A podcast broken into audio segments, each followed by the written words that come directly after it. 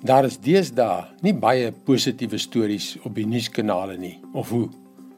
Maar ek dink dat ons dinge te krities ontleed en onnodig kompliseer, selfs as dit goed gaan.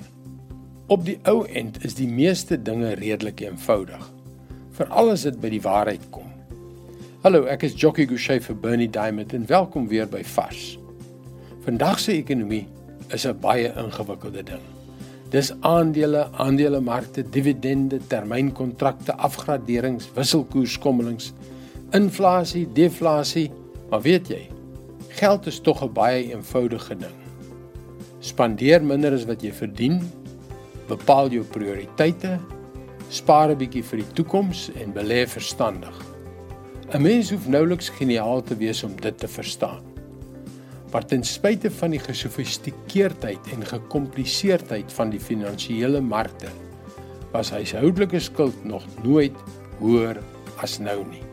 Dit voel vir my 'n bietjie soos die teologiese biblioteek waarin ek 'n paar jaar gelede rondgeloop het. Dit was propvol boeke oor God. En ek het heimlik gedink, hoe kan soveel mense so baie boeke skryf oor iets wat so eenvoudig is?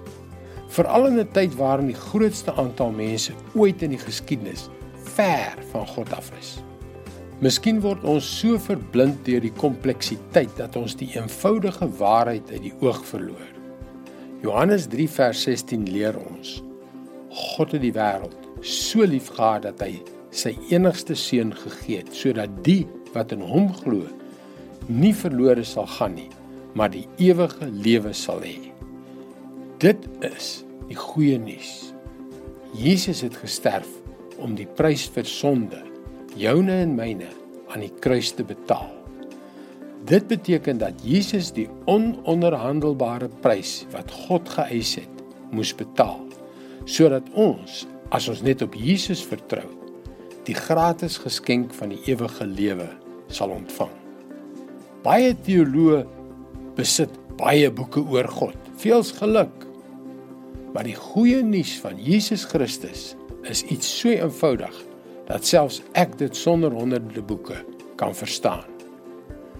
Deur wat Christus vir jou gedoen het, word jy vergewe. Vertrou op hom. Dit is God se woord vars vir jou vandag. My passie, dit wat my elke oggend uit die bed laat opstaan, is om die eenvoudige kragtige waarhede van God se liefde vir ons te midde van die dolle gejaag na wind met jou te deel op 'n manier wat sin maak. Laat ek jou daarom aanmoedig om by ons webwerf varsvandag.co.za in te loer. Onthou Jesus het gekom om gewone mense soos ek en jy te red. Mooi loop. Tot môre.